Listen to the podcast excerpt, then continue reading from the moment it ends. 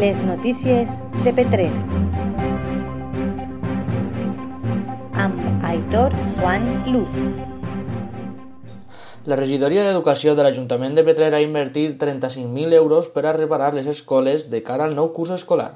Les actuacions estan majoritàriament per a garantir la seguretat de l'alumnat enfront de la Covid-19.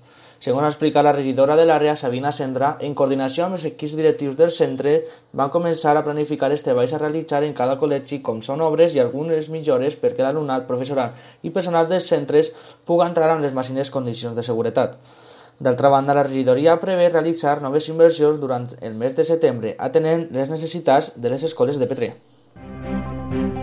Les notícies de Petrer. Aitor Juan Luz.